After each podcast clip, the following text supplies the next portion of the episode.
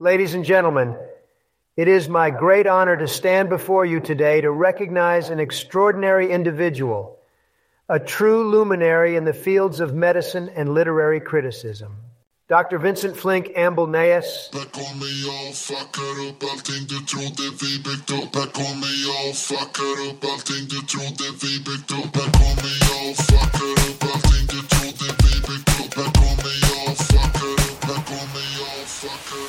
Hej och välkomna till podcasten Om och Men där vi reder ut det ni tycker är krångligt och krånglar till det ni trodde redan var utrett med mig, Vincent Flink Gamlenäs. Med mig Beatrice Erkers. Nu drar vi igång. Yes. Vad har hänt sen sist, Beatrice Erkers? Uh. Ehm, vad har hänt sen sist? Jag har ehm, varit på Mallis. Ah, nice. Ja. Coolt. Ehm, ja, väldigt coolt. Ja. Flashigt ställe. va? Men det är, jag, jag tycker jag får mer så här väldigt svenniga vibbar av så här, ah, jag varit på Mallis, typ. Ja, men var du liksom på typ så här eh, Playa del Sol-ställe eller? Nej, det var jag absolut inte. Jag var där eh, och hälsade på min kollega för vi hade så här strategi, alltså det var en jobbresa. Ah, Det ja. kändes också väldigt lustigt att åka på jobbresa till Mallis. Så det var verkligen så här, du vet jag åkte typ i tisdags eller någonting förra veckan och du vet, jag satte mig på flyget, det var jag och hundra pensionärer. Ja. Och de jag satt jämte var så här ett pensionärpar, klockan var så åtta på morgonen, de drack ett glas rödvin. Mm. Eh, Mm, gud vad underbart. jag, eh, jag var själv liksom så här, eh, work mode. Eh, så det var, det var påtagligt att det inte är så många som åker på jobbresa till Mallis. Nej. Men, eh, men det var väldigt trevligt, väldigt intensivt. Eh, Jag blev dock blind. Va? Jag fick, Jag tänkte att du var lite konstig. här, jag ska, famlar fram. ett, ett varningens ord till folk. Ja. Sov inte med era kontaktlinser Ah, kvar. nej. Jag fick ögoninflammation. Ah, nej vad jobbigt. Första dagen när jag Ja. var där och så här, vi skulle sitta och göra budgeten för nästa år och Mm. så här, jag kunde inte se. Jag bara så här, Fy fan liksom, vad jobbigt. Ja, så jag fick eh, besöka läkare och fixa antibiotika. Ska du inte göra så här laser? Fan vad lätt spanska läkare skriver ut antibiotika förresten. Ja, var det droppar eller? Ja, Men de är, brukar vi skriva ut rätt lätt också. ja. Men först så pratade jag med Kry och de ville Ja. inte skriva ut till mig. Jaha, inte droppar ens? Nej. De sa Mm. att jag skulle gå och se en läkare IRL Mhm. liksom. Intressant. Spanjorerna skrev ut det på eh, 30 sekunder. Ja, intressant, men det kanske är svårt att få det. Ja, ja, jag vet inte.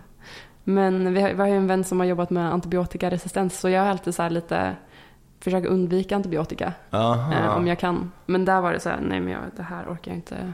Av altruistiska skäl liksom. Att man inte vill driva resistens. Ja, Ja. bara så. Och att det, jag tycker överlag att folk verkar ha extremt dålig koll på liksom best practices med antibiotika. Ja. Typ det här att man, hon har poängterat att det är väldigt viktigt att typ om du får en kur som är så här minst fem dagar, Ja.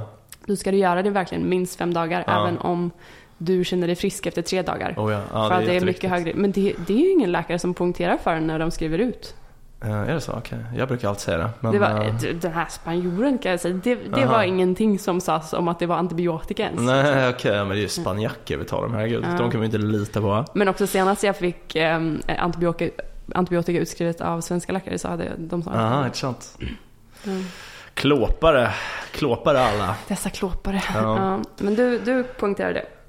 Eh, jag brukar säga det att det är, det är viktigt att du tar hela kuren brukar jag säga bara. Mm, bra. Så, du måste ta alla tabletter Mm. du får. Ja. Mm. Mm. För att annars så slutar vissa efter typ en tablett eller något. Ja, Så, och jag förstår det som att det på något sätt eh, gör att det är högre risk att de blir resistenta för antibiotikan. Eller?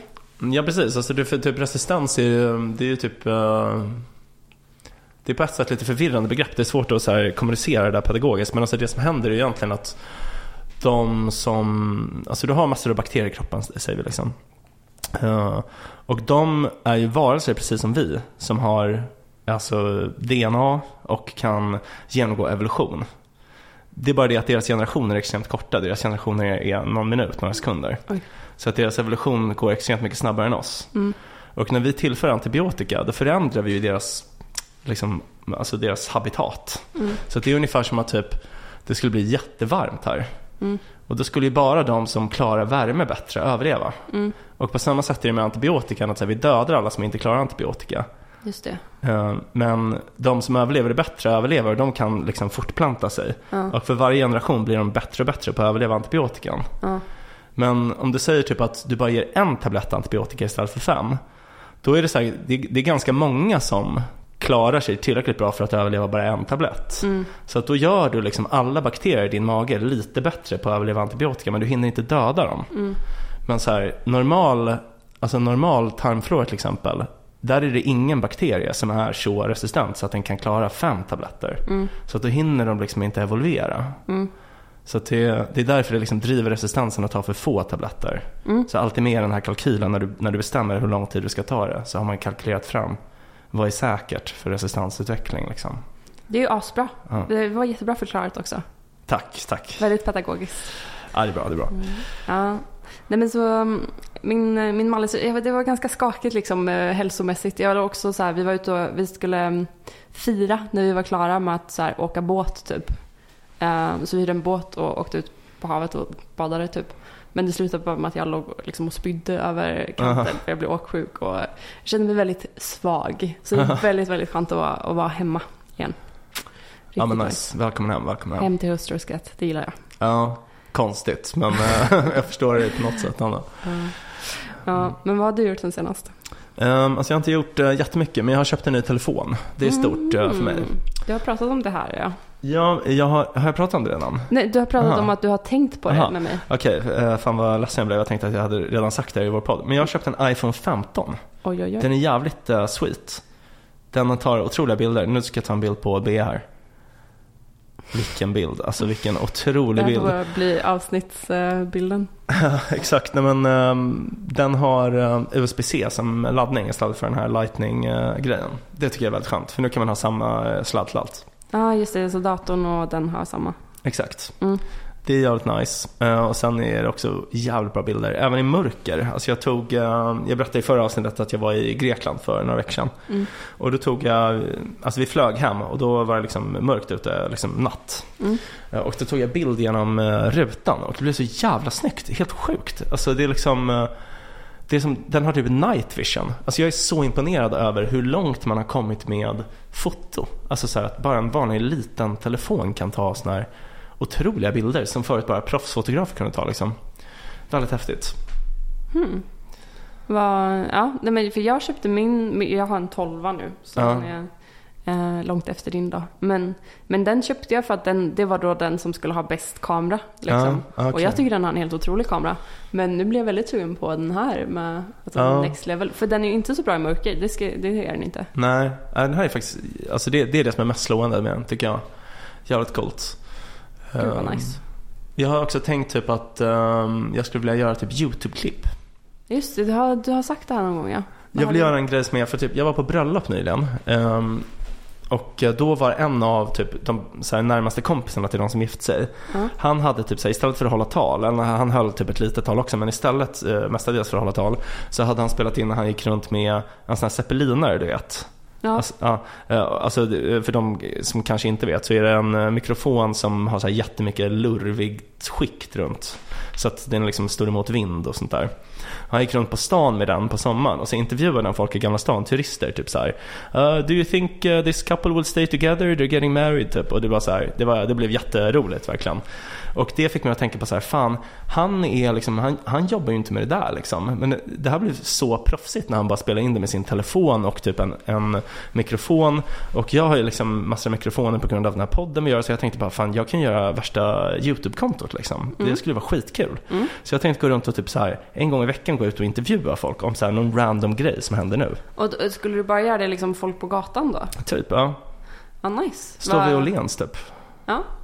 Jag skulle ju nog haft lite för mycket social ångest för att göra det. Men, men Ja. skulle du känna att det var jobbigt liksom? Eller skulle du bara köra? Nej, men jag tänker att man är skyddad av kameran. Ja. Om de ser att, att man filmar så, så är det liksom ingen som vågar vara stel eller så här, verka arrogant typ. Ja, ja ja, bra.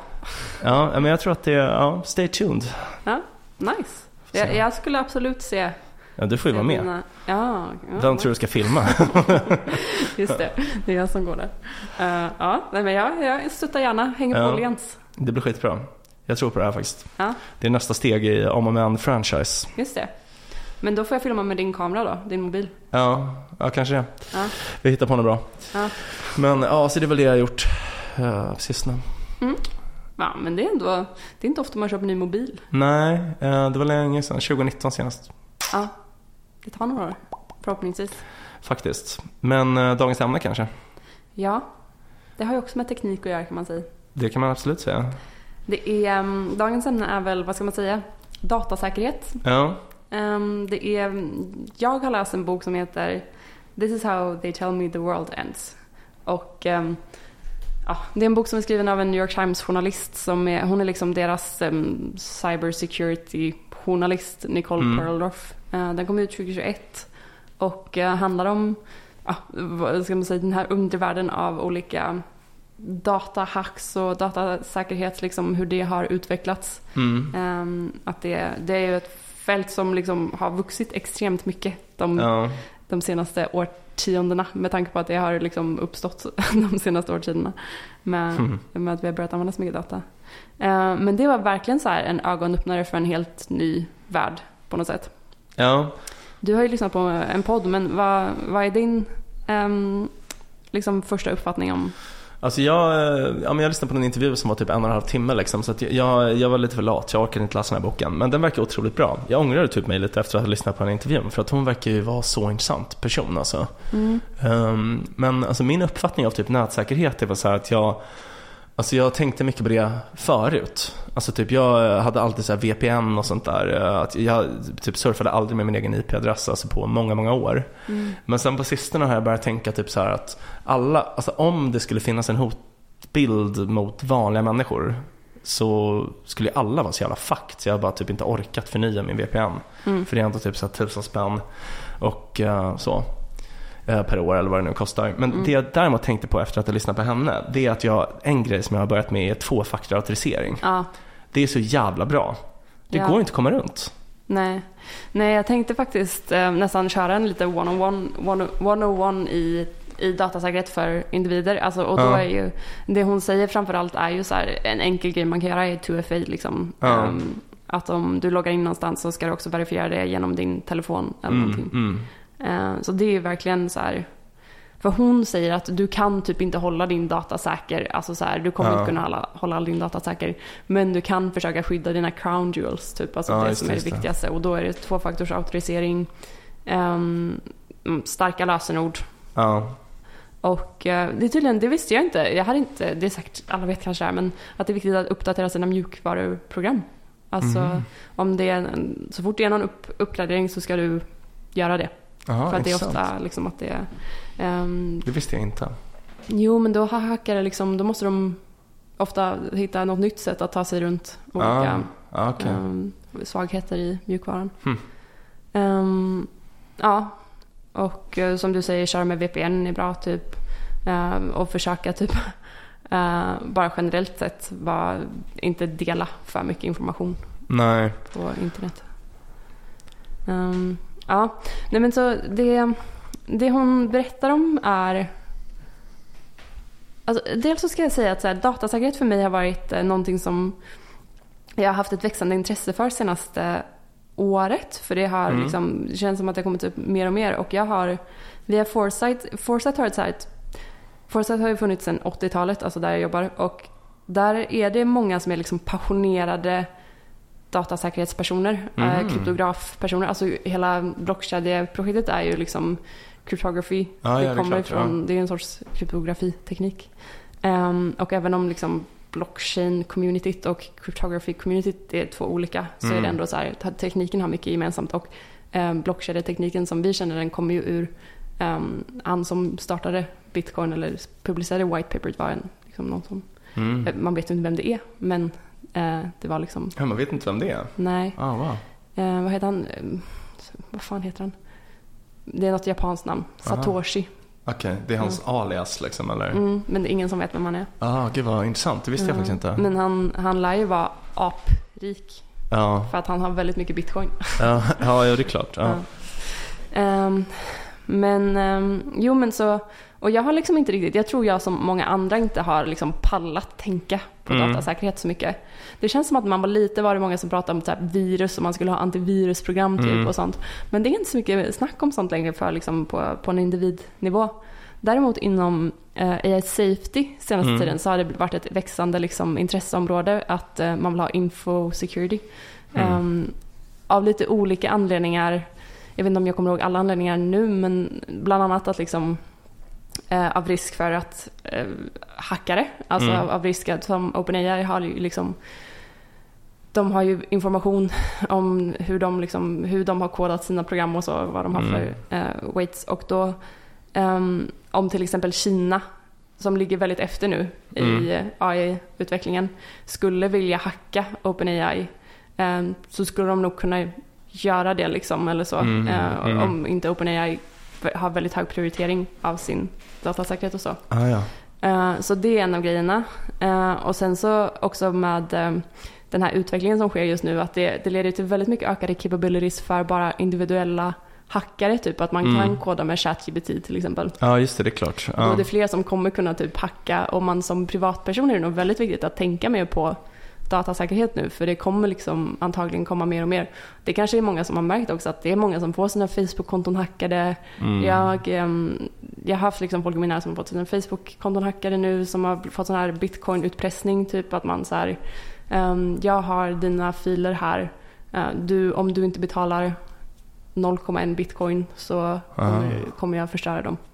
Aha. Men om du betalar så får du tillbaka dem. Ja, intressant. Det, jag känner ingen som har varit med om det. Jo. ehm, Men det kanske är vanligare i USA eller?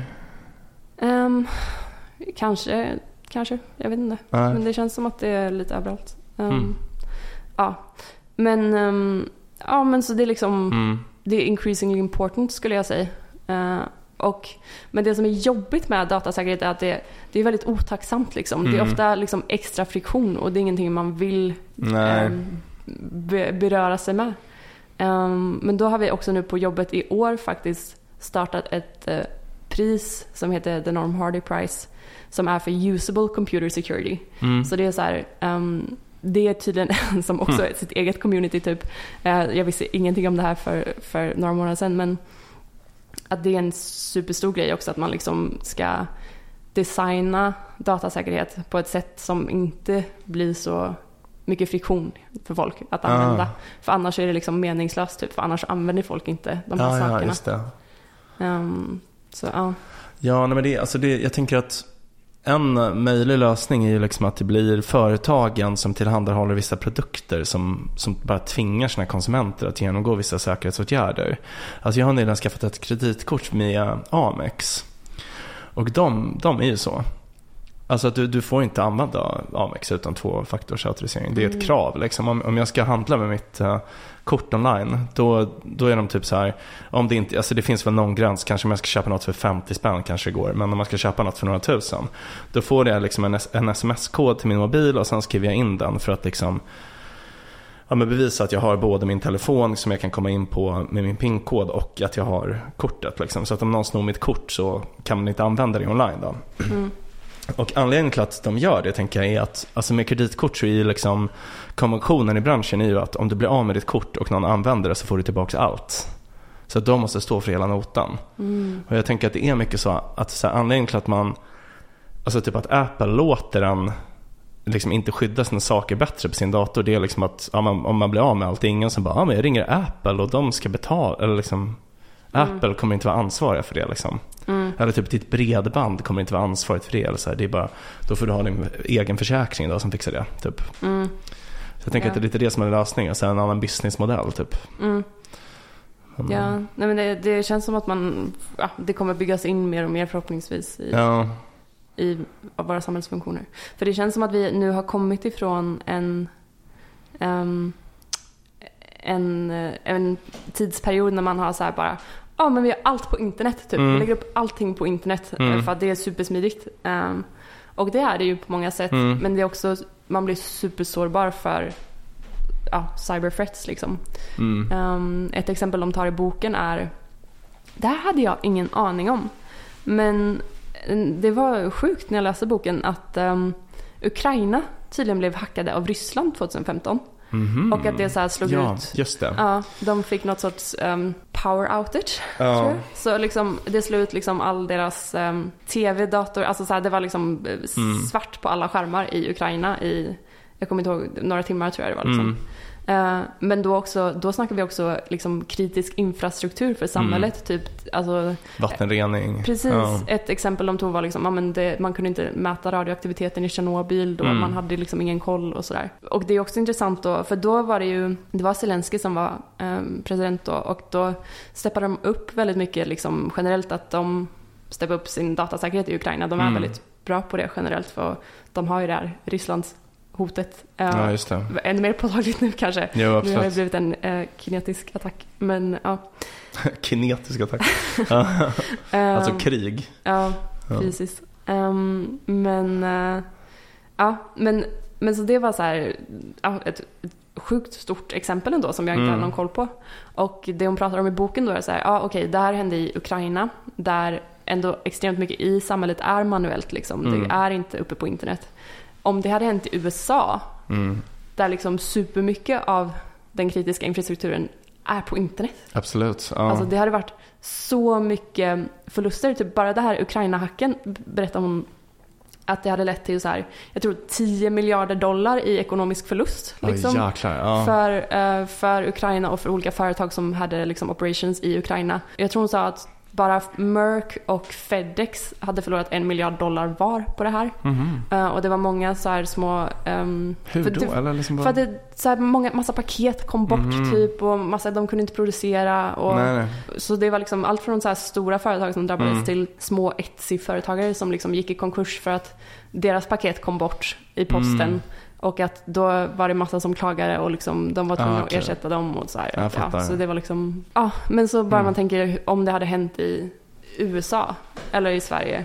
Att det hade, då hade det blivit ännu värre. Alltså de ekonomiska förlusterna är typ otänkbara nästan. Mm, Att mm. det är, ja, ja, bara så sjukt. Ja, det är jävligt sjukt. Fan, eh, får man eh, tacka sin lyckliga stjärna att det inte har hänt här. Ja, än så länge liksom. Ja, men absolut. Lite så är det ju. Vad, får jag fråga, och du får säga om du inte vill prata om det här, vi kan klippa bort det. Men ehm, hur är det med Vad du har liksom... för pinkod till ditt kort. Exakt. Ehm, men har du, ehm, hur är liksom datasäkerheten kring vård i Sverige? Ehm, ja, alltså jag tänkte mycket på det för att det var i den här podden som jag lyssnade på med henne så berättade hon om att det hade skett en läcka på någon psykiatrisk mottagning i USA. Ja. Eh, Och att patienterna hade blivit utpressade så att vi kommer eh, offentliggöra hela er psykiatriska journal om ni inte sätter över sig och så mycket pengar. Ehm, och då tänkte jag på typ säkerheten för att jag tror inte att den är så bra. Eller? Nej, för det är det jag tänker att det antagligen inte är. Det var ju någon sorts eh, skandal väl Mhm. för några år sedan. Hur då? Eller? Men det, det var nog Transportstyrelsen som alltså, Just det, hade blivit hackade eller läckte. Det var, ja, var enkelt att få tag i mycket privat information. Ja, det var någon grej. Jag minns typ inte riktigt vad det var. Men de hade typ sålt det till något Facebook. Ja, n- Ja, ja, något eller något sånt. Ja, Mm. jag minns inte. Nej, men jag tror att alltså, så här, om det är duktiga hackers liksom, kan säkert eh, komma åt det mesta, tänker jag. Ja, Um, ja. Ja. men man, alltså, alltså, eller jag ska inte ge folk tips. Det här känns som en information hazard. Men, men eh, jag, jag, jag tror inte att de är tillräckligt skyddade. Om nej. jag ska svara kort. Jag tänker också att så här, ehm, ja, nej, jag, tänk, jag har bara tänkt mycket på informationssäkerhet överlag och att så här, ehm, ja men det, om vad man säger till läkaren står i ens, Mm. ehm, Ens journal. ja, Ja. det står väl där för alltid eller? ehm, Eh, ja, i princip ja. Ja. Jo, så Ja. Ja, men så, det känns, jag vet inte, blir lite mer paranoid överlag över vad man vill ska, Men du kan ju alltid be om att Kan man det? radera, ta bort, absolut. Okej, ja. spärra, ta bort och Ah. radera. okej men det är ju jättebra. Är det Ja. GDPR eller kunde man göra det innan också? Eh, nej men det tror jag att det är nog patientsäkerhetslagen skulle jag tro. Men eh, jag är osäker. Jag Mm. Okej, men- Man kan det nu i varje fall. Men hur långt kan man göra det liksom? Om jag har en allvarlig psykisk diagnos, då kan jag inte göra det väl? Um, du kan alltid spärra. Okej. Spärra kan du alltid göra. Huh. Men inte från den vårdgivaren som har skrivit det. Okej. Men Men om du, om du har typ att du är beroende av eh, morfin eller något och du vill inte att varje gång du söker vård på um, akuten så ska folk tänka hon är bara här för att få morfin. Då kan du spärra det så att man inte ser det. Mm, Men då syns det ju att något är spärrat. mm, Och då tänker man ju, ja det är beroende. mm. Det är det alla tänker. Ja. Okej, ja. Ja, nej men, eh, ja, nej men så det, det har jag bara liksom varit lite mer nojig över senaste tiden. En, en av liksom de största sakerna som hon pratar om i boken som också bara så här, är återkommande, ett återkommande uttryck är zero day attacks. Ja, jag, fattade typ inte vad det var riktigt. Nej, jag vet inte hur bekanta folk är med det så jag tänkte jag ska försöka förklara det. Ja. Um, alltså, väldigt kort så är en zero day attack att man lyckas hacka någon och då har de noll dagar på sig att förhindra det hacket. Alltså så här att uh, om, du, om det hade varit, så, så en metafor typ är så här, om du har, ett, uh, du har ditt hus och det är ett fönster som du inte vet går att öppna från utsidan typ. Uh, och du upptäcker en dag att någon har, kan smyga sig in i ditt hus utan att du märker något eftersom du trodde att det var säkert. Och det är liksom som en zero day sårbarhet i en dataprogram bara för eh, det refererar till en svaghet som har upptäckts av någon men som inte är känd av den som har skapat det. Så typ Aha. om ett Microsoft-program inte vet att det är en hackare där inne i deras system. Ehm, och eftersom tillverkaren inte vet om felet så finns det inte några reparationer eller så här plåster för att fixa det typ. Så därför har hackare noll dagar, alltså zero days, eh, av motstånd när de utnyttjar den här svagheten. Ehm, så om man fortsätter på husexemplet så typ om du upptäcker att fönstret kan öppnas och snabbt fixa det så att ingen kan smyga in så har du lappat sårbarheten, typ att du har fixat det. Men om någon redan vet om att öppna fönstret finns och använder det innan du fixar det, då har de utnyttjat en zero day sårbarhet i ditt hus. Så, så, så en zero day är liksom en okänd svag punkt i ett dataprogram som kan användas av någon med ofta då kanske inte så positiva avsikter. Um, eftersom det, och eftersom det är okänt så kan du inte heller skydda dig mot det. Typ. Just det. Men så, så att om det typ en, skulle vara en one day då, alltså det finns då kanske inte det begreppet då men. Jag har det, aldrig hört det begreppet. Så, Nej men, men, men då skulle det vara som att det tar en Ja. dag motstånd innan du kommer in i systemet. Är det det, är det, är det, det som är betydelsen typ eller? Nej, men då hade det varit som att ehm, jag vet om en dag innan du ska komma. Så jag kan försöka Aha. hindra det, dig från att komma in. Okej, intressant. Så, Jag, det, jag vet att du kommer komma in imorgon. Ja. så zero day är liksom Okej, nu förstår jag. Okej, så det, det, det, ska, det mäter som ett övertag som den Ja. som äger systemet har liksom, och då har du inget övertag. Nej, precis. Ah, okej.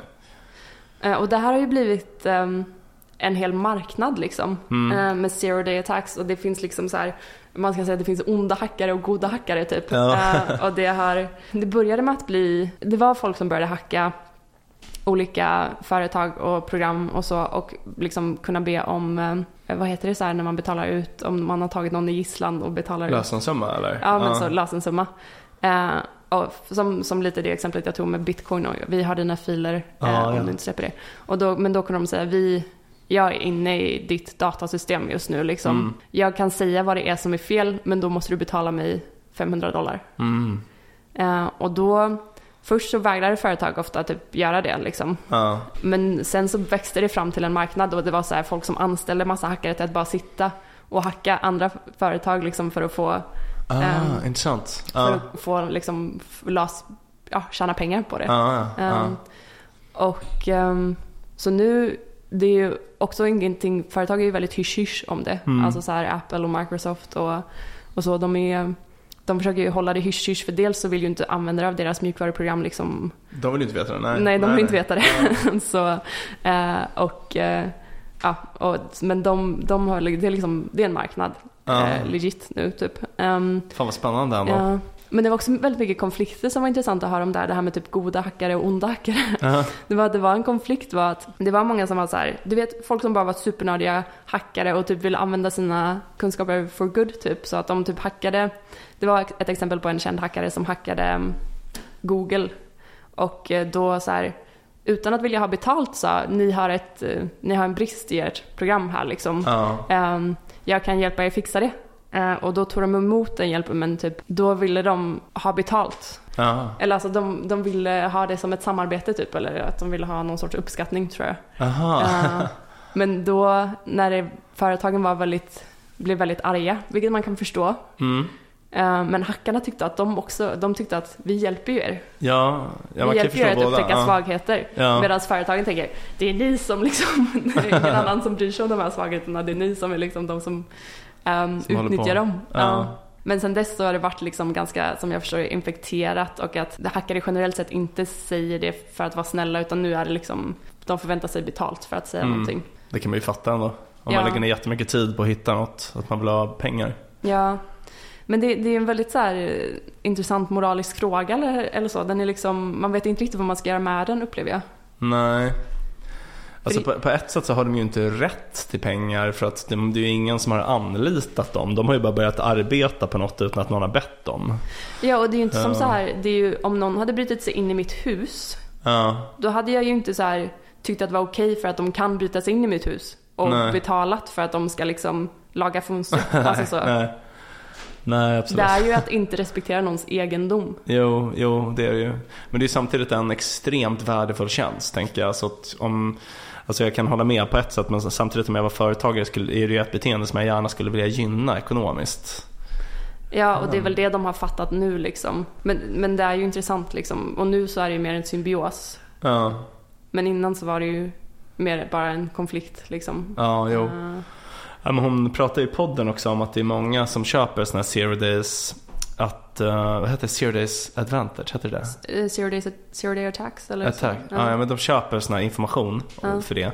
eh, Som är typ företrädare för så här emiratstater i, i arabiska gulfen. Ja, Alltså för att de vill kunna övervaka sin befolkning typ. ja, Det är ja. ju ganska obehagligt. ja, det var intressant för hon, hon berättar om olika interaktioner hon har haft och till exempel att hon var på någon middag med en, en känd tysk hackare som um, upptäckte Stuxnet som, som vi kan Ja. prata lite om också. Um, som han, det finns ett jättekänt TED-talk typ, där han berättar vad Stuxnet är och sådär. Uh, men han och två unga typ serbiska hackare eller någonting. Ja. Eh, och hon så här pratar om att, ja men det här med etiken kring det, typ att så här, men typ att sälja zero day, zero day advantages till Ryssland. Eh, att här, men herregud, varför gör ni det? Det är ju superoetiskt. Ja. Varför, eh, säger ni inte, varför gör ni inte det för, till snälla demokratier, typ som Mm. USA? Och då fick hon väldigt mycket kritik, typ Ja. av eh, de, de av, eh, ursäkta, vilka var det som invaderade Irak? I. Alltså så, här, så att det, de tycker inte att USA nödvändigtvis är liksom eh, Nej. enbart de goda. Men däremot så, däremot så om man jämför, hon tog upp några exempel liksom med olika liksom, övervakningsexempel från Kina versus Mm. USA. Och det var extremt mycket mer inkräktande i Kina. Alltså det var verkligen mer där, vi har hackat oss in i er Mm. nannycam, vi har koll liksom på, Ja. vi ser in i ert sovrum just nu. Ehm, Ja, alltså det känns så jävla så här, pubertal grej att säga. Det är sånt så här what about it? Alltså det är klart USA är ju liksom eh, Det politiska etablissemanget i USA har ju blod på sina händer. Alltså det tycker jag också. Men det går inte att jämföra USA med typ Putins Ryssland eller så här Xi Jinping Kina. Herregud. nej. Så här barnslig jämförelse liksom. Ja.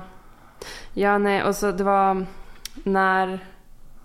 Nu, det känns som att jag har två trådar i huvudet. Jag, jag avslutade inte den där grejen med, eh, med att hon var på den här middagen och att hon då frågade de killarna bara, men det här är ju, Ja, det är ju sjukt elakt att ni Ja. gör det här, eller det, det är ju superomoraliskt. Och då hade den här, eh, alltså hackaren, tysken, den kända hackaren, ja, liksom bara sagt att de här, de förstår inte vad de gör. De förstår inte hur sjukt skadligt det här är som Nej. de gör. Det är bara små, små killar som har liksom lärt sig hacka och fått liksom helt superriskabla vapen i sina händer utan att fatta liksom Ja. vad det är för destruction de håller på med. Så det var den ena tråden.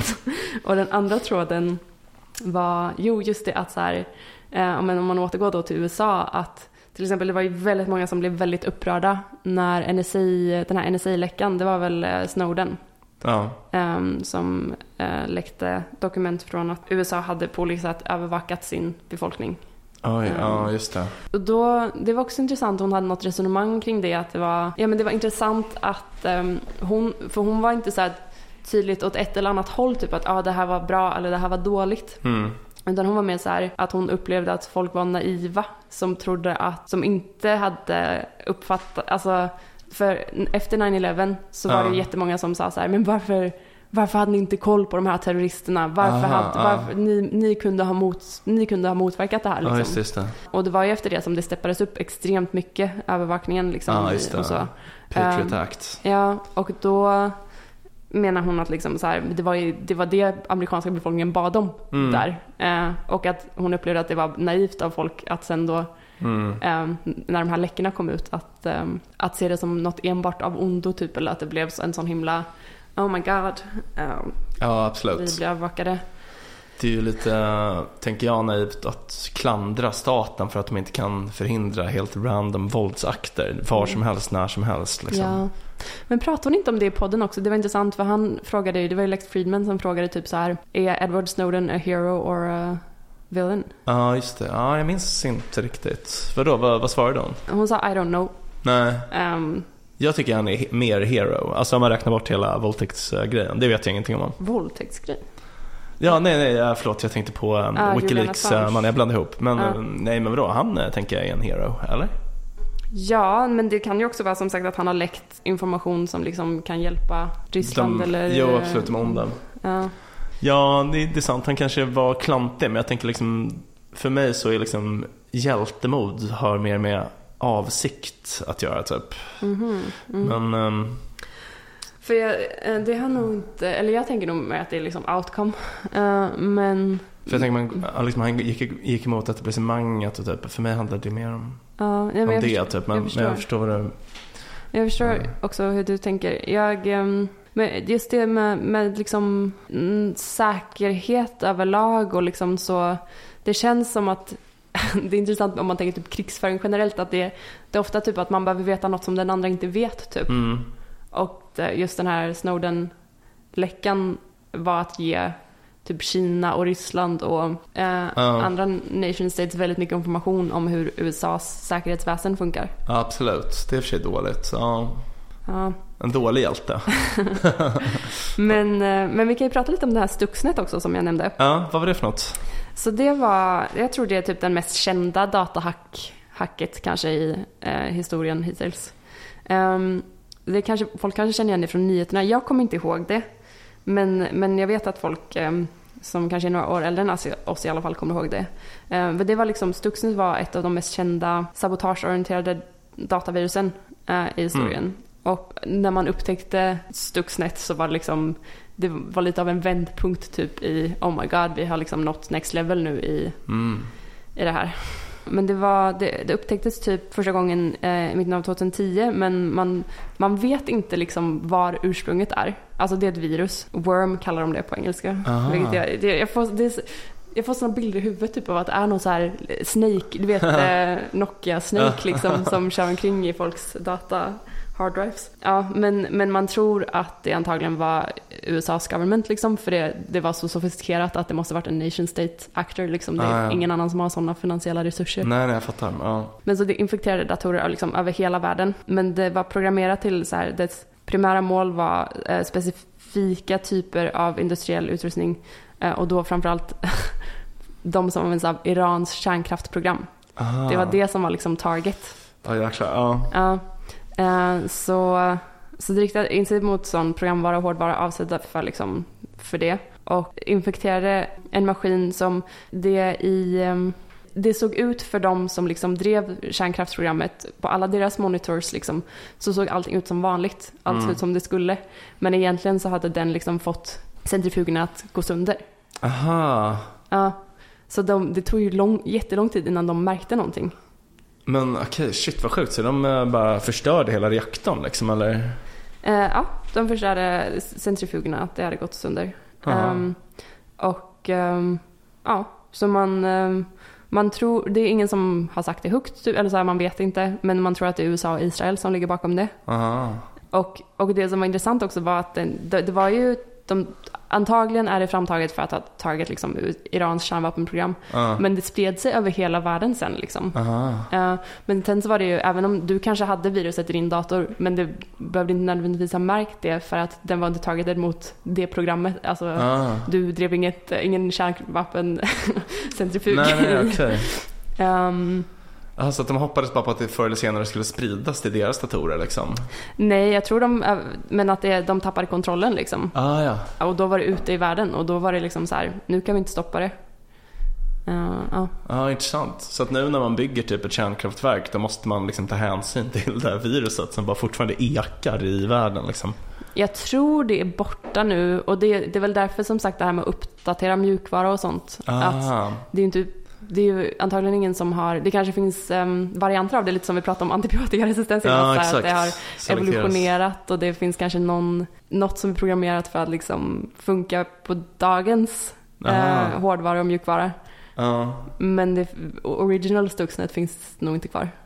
Fan vad intressant. Så det, det skulle kunna finnas typ så tysta virus på ens dator som är så här så fort man typ skriver något typ så här att vi borde mörda Karl XVI Gustav så bara sprängs datorn typ eller? liksom Ja, bara, jag vet inte hur det är nu. Alltså jag upplever som sagt att vi, ehm, typ Apple och så ska ju vara väldigt bra på datasäkerhet till exempel. ja okej. Eh, Men det är också så här, när man umgås med mycket med eh, kryptomänniskor så är det, de är ju väldigt eh, måna om datasäkerhet ofta och anonymitet är väldigt viktigt för dem. Så de använder ofta typ till exempel inte typ vissa, vissa chattprogram och sådär för att det är bara inte tillräckligt krypterat. Vilka då? Jag kommer inte ihåg, alltså jag vet att WhatsApp är bra för det är end-to-end krypterat, alltså så att det Messenger har ju den funktionen nu. har Messenger det. De har Okej. introducerat det för någon månad sedan. Man kan trycka i en knapp det end-to-end kryptering. Mm. Telegram tror jag var väldigt dålig säkerhet, eh, Mm. men Signal har, det är det som alla kryptomänniskor använder. Ah, okej. Ja, jag vet Um. inte vad det är ens, men intressant. Jo, om du åker på kryptokonferenser är det typ så här, du måste ha Signal för det är så man kommunicerar. Ja, ja jag, jag, Um. absolut. Jag, bara, jag har inte hört talas om det. Ja, men, eh, ja, Men det, det är typ som WhatsApp fast liksom en annan app bara. jag fattar, jag fattar. Ja, nej, men, men det, um, för det var en sån sak jag lärde mig också. Det här med end-to-end encryption. Um, att det är typ, jag vet inte om jag kommer kunna förklara det nu i och för sig när jag, när jag säger det. Eh, men att, att det är liksom, ibland om det inte är end-to-end krypterat så skulle det kunna vara att eh, som till exempel, jag tror att mycket av Googles tjänster inte är end-to-end krypterat. Um, Ja, okej. de skulle kunna läsa dina mejl liksom i. Gmail. Men när det är end-to-end krypterat så kan inte, om jag har förstått det rätt, så kan då inte Facebook som äger WhatsApp läsa dina meddelanden. För det är krypterat liksom från sändaren till mottagaren. Mm. Ja, det är så de förklarar det på sin hemsida också, Ja. på Messenger. Okej, ja. Det står typ så här, we couldn't read it if we wanted to, eller något sånt. ja, vad bra. Men då, då har jag ändå Mm. förstått rätt. Och det är ju, det känns, det är ju bra. Liksom. Absolut, ja.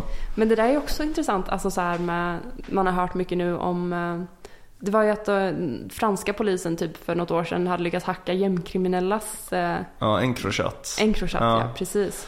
Funderar på att läsa den boken av han eh, Diamant Salihu. Ah, Den ska vara jättebra, jag hört. vad, vad heter den? Um, jag har glömt, men det är han som skrev den här Tills alla dör. Ja. Om gängkriminaliteten. Han har nu skrivit en bok om Encrochat-skandalen. Oj, vad kul. Som ska vara, ja, den ska vara skitbra. Jag har ju en Ja. kompis som jobbade med att dechiffrera Encrochat. Aha, Alltså att liksom, alltså typ... eh, in- läsa koden liksom. Nej, inte läsa Nej. koden, men alltså typ, eh, alltså det var jättemycket Förstå chatter. meddelandena. Ja, han gick igenom alla och typ gjorde kartlader liksom. Ah. Han jobbade för eh, polisen. Mm. Ja, spännande. Gud vad spännande. Ja. Nej, men, och det, det är också en... ehm, det är en också intressant liksom, diskussion där det känns som att världen inte riktigt har landat eller man har inte nått någon sorts konsensus kring det vad, vad, vad liksom teknikföretagens ansvar är. Ja, För det är många som till exempel är arga på Facebook att de gör så här för det skulle kunna vara, och det är antagligen, terrorister som skriver meddelanden på WhatsApp eller något. Alltså så. absolut. Ja. Ehm, och att det är oetiskt av Facebook då. Alltså det, det går ju att se det på två sätt. Det ena är att det är oetiskt av dem att kunna läsa folks meddelanden generellt. Och det andra är att de inte kan provida polisen med information om det, Ja. de behöver utreda ett brott till exempel. Just det, ja det är lite dubbelt där. Ja, Svårt att säga vad som är rätt. jättesvårt. Hmm. Ehm, Men känner du liksom efter att du har läst den här boken att så här, nu vill jag skaffa VPN och typ så här, eller liksom vilka s- åtgärder ska man vidta? men det, är- det är de jag sa i början. Ja. Ehm, med 2FA, jag ska uppdatera mina program, jag ska Ja. ha bättre lösenord. eh, system, jag använder password manager liksom. Eh, Ja, du använder Och- det. Okej, det har inte jag pallat riktigt. Nej, och sen ska man vara försiktig med vilken password manager man använder. Vi håller på att byta på jobbet nu till exempel för vi använde LastPass innan. Ja. Men de blev hackade Oh. förra året. Eh, Så nu har vi bytt till OnePassword som är det som de flesta verkar rekommendera. Så ja, Mm. det, det typ, ja, det verkar vara liksom det, det som är low hanging fruit liksom. Ja. Som man kan göra. Okej, så uh, tvåfaktorsautorisering, alltså att man måste typ godkänna med sin telefon när man ska Mm. logga in. VPN som skyddar en IP-adress. Mm, Och sen uh, password manager. mm, Som är typ som att man vet inte riktigt sitt eget lösenord utan man har ett lösenord till en annan tjänst som sen ja, gör ett jättekonstigt långt lösenord. ja. Ja, Ehm, ja, nej men det är nog de. Och, och uppdatera program ja just det, uppdatera program. Ja, men det är fyra bra punkter ändå. Mm. Ja. Ehm, men jag ska fundera på uh, bara om det är något mer. Ja, alltså det finns ju väldigt, väldigt mycket att säga om det här. Eh, Ransomware-angrepp, det är det det kallas. Det här när de hackar och har, ber om tre bitcoin. Ja, just alltså det. så. Ransomware, just Ja. det. Just det, det känner jag igen. Ja, ja nej, det, det, Det är ett väldigt intressant ämne det här tycker jag. det är ett väldigt intressant ämne och det känns som att det finns liksom att man kan spänna ut hur mycket som helst för eh, man skulle kunna liksom um, spänna ut kring liksom vad, men till exempel vad, vilken infrastruktur Mm. är det som skulle, skulle drabbas och vad, vad tror man kommer hända i framtiden och så. Alltså jag tror ju att typ det här med identitetsstöld och sånt kommer bli ännu mer, Verkligen. um, särskilt nu med så här deepfake-grejer och sånt, att eh, folk kommer kunna fejka din röst. Ja, och alltså folk är också ganska mycket på sin vakt har jag tänkt på. För att jag, som jag nämnde i början så har jag fått en ny telefon. Mm. Och under en period när liksom mitt gamla nummer fördes över till mitt nya simkort så hade jag ett annat nummer. Och då skrev jag till min mamma för att vi, alltså vi hörs varje dag, vi hörs ofta liksom. Då skrev jag ett sms typ så här. Ja, det här är mitt nya nummer, slash Vincent. Eh, Och då skrev hon till mig direkt på Facebook. Så jag bara, har du en ny telefon? Mm. Och jag bara, va? Ja, jag skrev ju precis. Men då var hon typ så här, ja men man måste vara försiktig typ. Och det tyckte jag ändå var så intressant för att jag menar hon Alltså hon är ju inte gammal men hon fyller 60 snart liksom och hon har ju tänkt eh, mycket, uppenbarligen mycket mer på det här än vad jag gör. Så det är Ja. ändå kul liksom. Men det är ju asbra att Ja. de tänker så. Jag har också liksom haft att jag typ har, jag tror jag ringde en kompis och bad honom swisha mig. Eh, och då var han så här, "Ah, jag måste typ kolla att det här är Beas nummer innan jag, eh, Ja. innan jag swishar. För det skulle kunna vara en liksom fake. Ja, fejkröst. Ehm, ja. Eh, Shit, ja fy fan vad Ja. sjukt att tänka så alltså. Ja, nej men och nu när vi håller på med mycket typ krypto och sånt på jobbet typ så det, vi har supermånga säkerhetsåtgärder. Vi har så här att det jag ska inte prata om vad för säkerhetsåtgärder men det är typ väldigt många personer som på olika sätt behöver äh, äh, authenticate Auktorisera, liksom. ja. Ja, precis. För att en transaktion ska kunna gå igenom så inte någon bara ja. typ eh, kan hacka sig in och bara föra över alla pengar till sitt eget konto eller sådana Fan, jag undrar hur liksom bra säkerhet typ Avanza har eller så här Nordnet. Tänk hur Ja. mycket, vilka jävla kassako liksom om man kan hacka sig in där. Ja, det, är ju, det finns ju... ehm, man pratar ju mycket nu om att eh, Turing, det traditionella Turing-testet är utdaterat och att liksom, Ja. vi har nått det liksom nu. Ja. Att, eh, ehm, det finns vissa så large language models som kan... Uh, Turing-testet säger att en, en data ska låtsas vara en människa och en människa ska inte kunna avgöra det, liksom, det. utifrån sin interaktion eh, med den. Och då är det många som, eller många, eh, Mustafa Soleiman som är en av grundarna till DeepMind som ju är ett, ett av liksom världens största AI-labb Ja. ehm, som ägs av Google. Han har så här, sitt nya Turing-test som är eh, när en AI klarar av att tjäna en miljard, jag kommer inte ihåg om det är en miljon eller en miljard dollar. Men det är hans nya Turing-test nu. Det, måste, det måste väl redan ha gjort? Eller liksom så här investeringsrobotar och så här som... Ja, fast en, en AGI då, alltså en generell Aha, intelligens jaha, som okej. kanske startar ett företag och så, alltså så här, Ja, ja, ehm, Men också att det skulle, skulle kunna vara att en AI hackar. eh, men men alltså, förlåt att jag ifrågasätter men så här, hans definition av vad det innebär för att Turing-testet ska ju avgöra när en maskin blir medveten. Men efter det här testet så är ju nästan inga människor medvetna. Men eh, jag har inte uppfattat att Turing-testet ska avgöra när maskinen är medveten. Det har väl bara varit att eh, när det har nått eh, en artificiell generell nivå av intelligens. Jag tror att det var hans tanke från början i varje fall, Turing. Men eh, jag kanske har missförstått. Ah, ja. Jag tror också att det ursprungliga Turing-testet var lite annorlunda. Att, det var, att det, var, det var två datorer som skulle prata med varandra. Ja. Och en människa utomstående som skulle bedöma, är det inte så? För att nu tänker, jag, nu tänker man när man hör Turing-testet att det är att en människa pratar med en dator. Ah, ja, whatever. Jag vet inte. Jag, Men, eh, ja, jag, har, jag har bara tänkt att det är att den, då kan man avgöra om den är liksom... Intelligent kanske, det kanske Ja. var det han menade. Ja, Ja. absolut. Men då är ju, det är ju då är det är också tillämpligt för då menar han ju att inga människor är intelligenta då. Mm. Men, Det är, nu så är det är ehm, en super, liksom high level konferens som är på G Ja. i England som eh, ska hållas på Bletchley Park där Turing var. När Ah, han ja. knäckte koden, liksom, Ah. Enigma-koden. Eh, och det är så här, alla som håller på med AI vill komma in på den här konferensen. Typ. Ah. Det är också väldigt häftigt att de ska ha den där på Bletchley. Ja, där, skitcoolt, ja. liksom, Turing, Turing är ju liksom verkligen grundaren av fältet på många sätt. Eh, men jag var där ah, faktiskt. Ja. coolt. Det, var, man, det är en trevlig, om man är i London, trevlig rolig dagsutflykt och åka ut till Bletchley Park och kolla Ja. på... Ja, eh, kanske det. Jag ska till London snart om typ en månad. Kanske får hälsa på. Ja, ska du? Ja, Jaha, jag åker dit mm, 17 november. Åker dit. Oj. kul. Men då, det får du göra. Det var... Ja, nej, det var faktiskt kul. Ja, nice. Ja, jag tyckte jättemycket om den här filmen, uh, The Imitation Game. Mm, mm, verkligen. Med han uh, Rabadact Haversnatch. Mannen med namnet som ingen kan. Precis. Benedict Cumberbatch. Ja, By the samma. way, ehm, jag tänker vi ska börja runda av. Mm. Men ehm, jag såg att det har kommit fyra små kortfilmer på Netflix Ja. av Wes Anderson, varav en Ah. är Benedict Cumberbatch med i. Ja, ah, jäklar. Fan, det måste vi se. Vad heter de? Eh, jag kommer inte ihåg. Nej, Eh, okej. Den hette typ någonting Mr John, da, da, da, någonting. Men Den Mr. med Don. Benedict Cu- Cumberbatch. Cum- Cumberbatch. Cam Camberbatch. Ja, nice. Ja, Kummerbund. ja, Ja, roliga, roliga namn. ja. Okej, men ska vi kalla det ett uh, datasäkert avsnitt eller? Vi gör det. Ja, Fan, du får kora det här nu. Jag har mycket säkerhet runt våra avsnitt. så Exakt. Det, det finns mycket som deepfake-material eh, Mm. att använda våra röster till nu. ja exakt. Jag vet inte om lyssnarna är säkra på att det verkligen är B och Vincent de har hört eller om det bara är deepfakes här. Precis. Det är en fråga ni kan ställa er här Ja.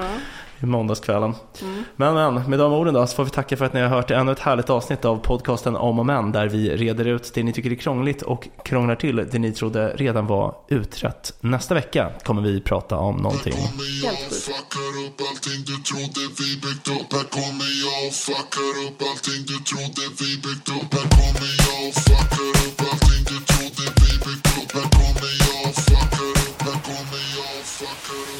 Ladies and gentlemen, it is my great honor to stand before you today to recognize an extraordinary individual, a true luminary in the fields of medicine and literary criticism. Dr. Vincent Flink Ambelnaeus, a Swedish doctor and literary genius, has made unparalleled contributions to our global community. Dr. Ambelnace's dedication to the field of medicine has been nothing short of remarkable. Through tireless efforts and boundless compassion, he has touched countless lives, embodying the very essence of what it means to be a healer. His pioneering work has undoubtedly shaped the landscape of modern healthcare, leaving an indelible mark on the annals of medical history. Beyond his medical prowess, Dr. Amble Nace's brilliance as a literary critic is a testament to his multifaceted talents. His incisive analyses and profound insights have enriched our understanding of literature, fostering a deeper appreciation for the written word across cultures and generations. In a world that often craves expertise in specialized domains, Dr. Amblenaeus defies convention by excelling in both medicine and literary criticism. This duality speaks to a rare intellect, a boundless curiosity, and an unwavering commitment to the pursuit of knowledge. We are fortunate to have such an exceptional individual in our midst, one whose contributions resonate far and wide. Dr. Amble Nace exemplifies the power of passion, dedication, and the pursuit of excellence. His legacy will continue to inspire generations to come, reminding us all that with unwavering determination, there is no limit to what can be achieved. Please join me in extending our deepest gratitude and admiration to Dr. Vincent Flink Amble Nace, a true visionary and a beacon of inspiration for us all. Thank you.